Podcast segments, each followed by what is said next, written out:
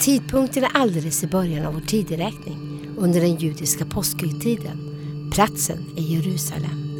Det som såg ut att bli ett brutalt slut för Jesus som påstod sig vara Messias, Guds son, världens frälsare, blev till historiens största seger, helt utan jämförelse med något annat.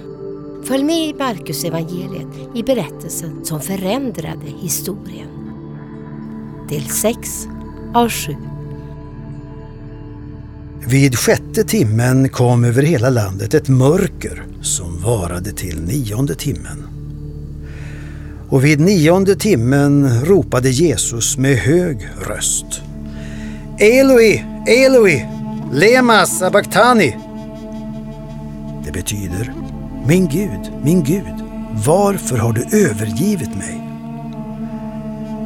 Några som stod där hörde det och sa Hör, han ropar på Elia.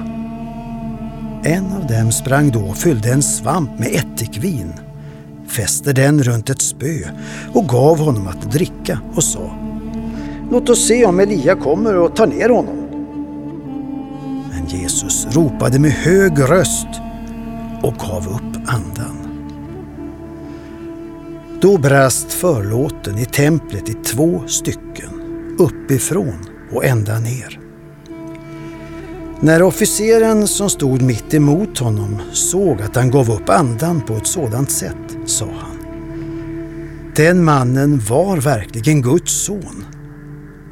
På avstånd stod även kvinnor och såg på. Bland dem var Maria från Magdala och den Maria som var Jakob den yngres och Joses mor samt Salome. De hade följt Jesus och tjänat honom när han var i Galileen. Där var också många andra kvinnor som hade gått upp till Jerusalem tillsammans med honom. Det var redan kväll och eftersom det var tillredelsedag, dagen före sabbaten, kom Josef från Arimatea dit.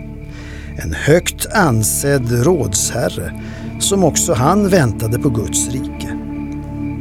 Han tog mod till sig och gick in till Pilatus och bad att få Jesu kropp. Pilatus blev förvånad över att Jesus redan var död och kallade till sig officeren och frågade honom om Jesus redan hade dött.